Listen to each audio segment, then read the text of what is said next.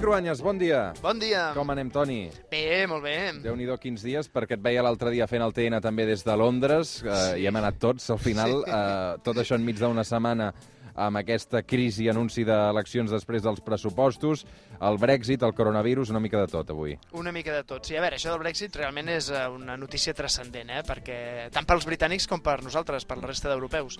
L'alarma, però, d'aquests dies és coronavirus, eh? Totalment, estic totalment d'acord, perquè de moment no sembla que tinguem una afectació directa aquí, però les imatges dels confinaments, els tractaments als hospitals de Wuhan, a la Xina, són com, són com de pel·lícula de, de desastres, no? d'aquestes de ciència-ficció, de, de, de por. Doncs mira, mirant aquesta actualitat, amb el Toni Cruanyes el que hem fet és fer un viatge al passat, eh, fins a l'edat mitjana, per recordar el que en podríem dir el coronavirus d'aquella època, però encara molt pitjor, eh? Sí, parlarem de la pesta negra, de 1348.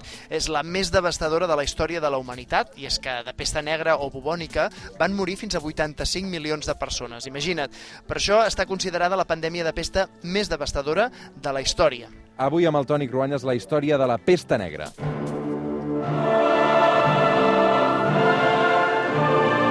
posem transcendentals amb la Carmina Burana perquè l'època de la pesta negra és una de les més fosques de tota l'edat mitjana. Sí, en anglès, de fet, a l'edat mitjana en diuen també The Dark Age, no? com eh, en bona part perquè eh, hi ha una tesi general a la historiografia que Europa va viure uns segles de retrocés entre l'imperi romà i el Renaixement. És l'època en què les lleis romanes s'obliden, les escultures gregues es destrueixen, hi ha foscor perquè hi ha un retrocés educatiu, hi ha més analfabetisme, hi ha poca estructura ciutadana, política, molts senyors feudals, gent que viu als camps, hi ha menys viatges i comunicació quotidiana entre els diferents racons d'Europa.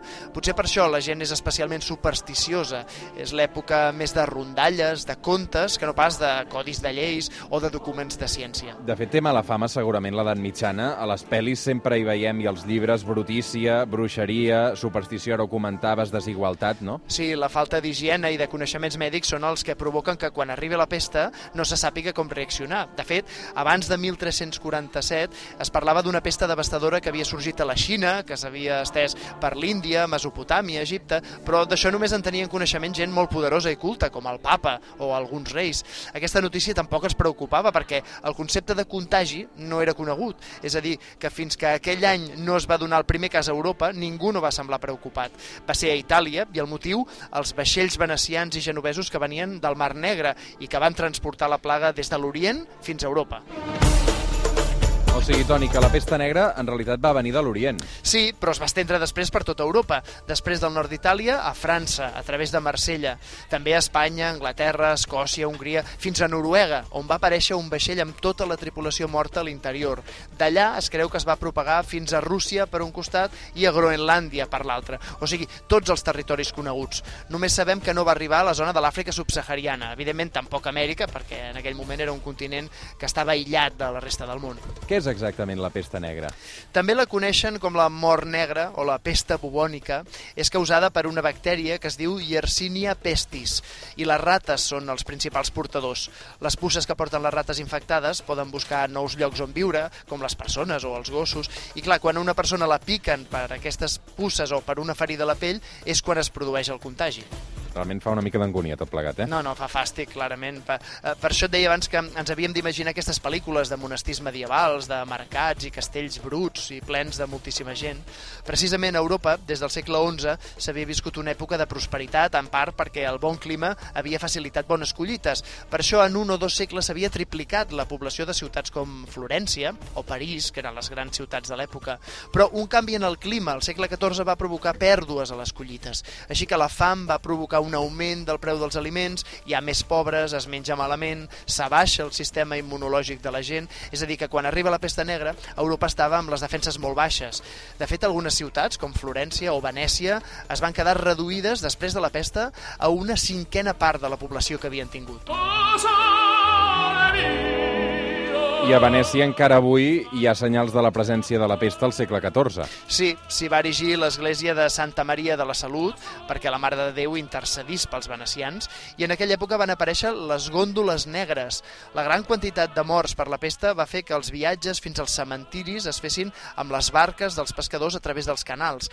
Per donar-hi més solemnitat van començar a pintar les gòndoles de color negre i de fet encara avui les gòndoles són negres per aquest motiu. I dius que a Venècia pregaven i demanaven a la Mare de Déu que els protegís contagís de la pesta negra?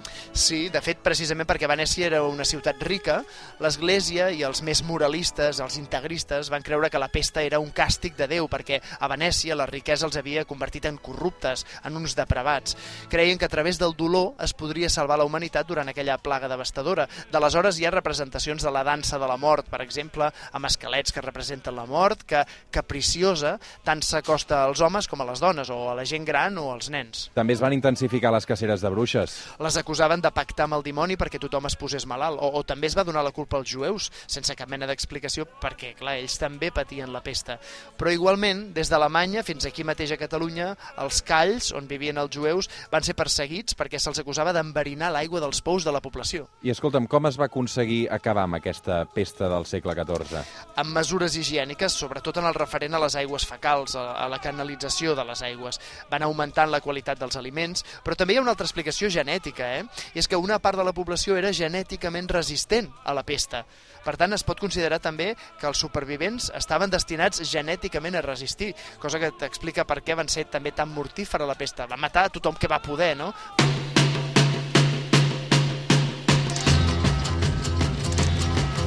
Avui hem volgut fer memòria amb el Toni Cruanyes dels orígens d'aquesta pesta negra. És per això que arribarem a les 9 del matí amb els Rolling Stones i el seu Paint It Black. Cruanyes. Rolling Stones, m'agrada això. Escolta'm, descansa, que t'ho has guanyat aquests dies. Aprofita el diumenge per dormir una mica. Gràcies a vosaltres, una abraçada. Adéu, adéu.